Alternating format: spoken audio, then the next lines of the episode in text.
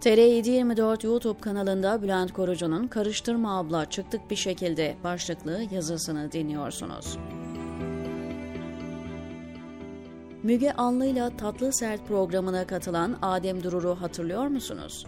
Hani şu 24 yıl hapis cezası aldığını, iki ayrı infaz yasasından ve Covid izninden yararlandığını anlatarak yandaş televizyoncuyu bile şaşırtan genç. Sen adam mı öldürdün? Neden bu kadar ceza aldın ve nasıl çıktın? sorusuna oraları karıştırma abla çıktık bir şekilde cevabını verirken annesinin sesi duyuluyordu. 20 dosyası daha var. 24 yıl ceza alıp 2017'de cezaevine girmiş ve 2020'de televizyonda boy göstermeye başlamıştı. Şaşırılmayacak gibi değildi. Dün itibarıyla yeni Adem Dururlar özgürlüğün tadını çıkarıyor. Evet, yeni meclisin ilk icraatı buydu. Bir torbanın içine diş tedavisi mevzuatından yeni vergilere kadar pek çok şeyi doldurup oynadılar. Noel Baba'nın değil Tayyip Baba'nın torbasından 200 binden fazla adi suçlu için örtülü af çıktı.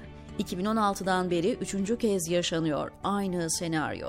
Siyasi suçlulara yer açılsın diye katile, hırsıza, tecavüzcüye piyango vuruyor.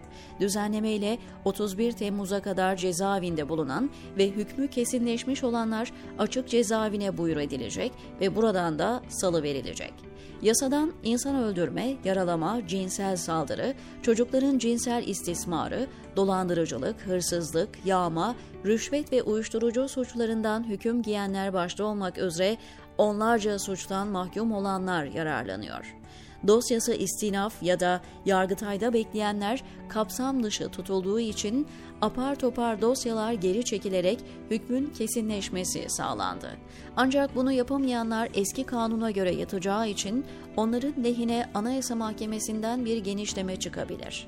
Toplam cezası 10 yıldan az olanlar bir ayını, 10 yıl ve daha fazla olanlar ise 3 ayını kapalı cezaevlerinde geçirip açık ceza infaz kurumlarına ayrılacak. 3 yıl veya daha az süre kalanlar doğrudan açığa çıkıp tahliyeye yelken açacak. Şöyle somut örneklerle anlatayım. Adem Durur'un 24 yıllık cezası 30 Temmuz'da onandı varsayalım. 3 ay kapalı cezaevinde kalacak, sonra açığa buyur edilecek. Yatması gerekenden 3 yıl daha az yatarak denetimli serbestlikten yararlanıp tahliye olacak. Tabii bu arada Erdoğan yeni bir örtülü af çıkarmazsa. İkide bir açık cezaevine buyur edilecek diye boşuna söylemiyorum. Neredeyse pansiyon olarak anlayın. Dışarıda iş bulup çalışabilir, serbest telefon hakkından yararlanabilir, senede 3 kez 7'şer günlük ev iznine çıkabilir. Kanunun kapsadığı suçluları tekrar edeyim.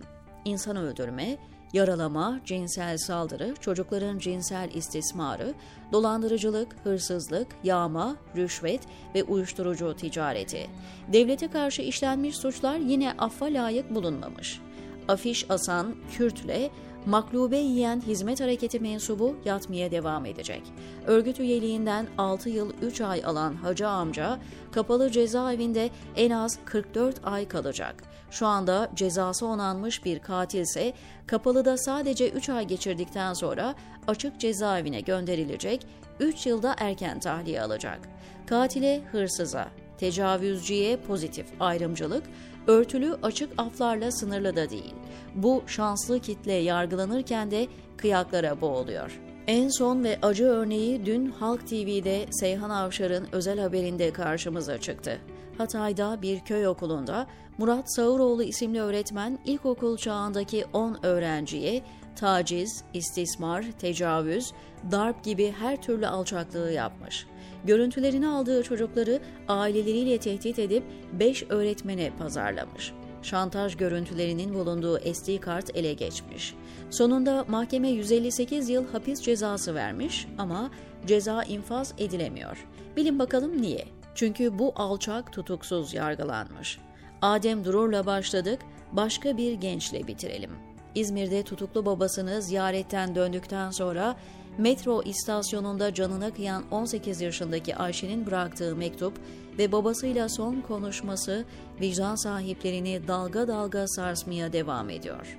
Ailenin son buluşmasındaki konu doğal olarak af söylentileri olmuş. Babanın dilinden söker gibi aldıkları genel af çıkar, herkese çıkarırlar ama bizi çıkarmazlar cümlesi bardağı taşıran son damla olmuş. Ortaokuldayken maruz kaldığı FETÖ'cü hakaretini günlüğüne yazan Ayşe, mektubunda sadece siyasiler ve yargıçlara değil, onların suç ortağı bütün topluma sitem etmiş. Bu karanlık döneme destek veren ve hatta bitmesi için yeterince çabalamayan herkese, hepimize hakkını haram etmiş. Son umudu babasına sarılıp eve götüreceği bir afmış. Ne yazık ki babası 30 jandarmanın arasında cenazeye gelip göz bebeğini uğurlayabilmiş. Bu toplum tercihini Ayşelerden değil, Ademlerden yana kullandı. Bedeli ne olacak şimdiden yaşayıp görüyoruz. Ülkenin her yanından ölüm ve çatışma haberleri geliyor.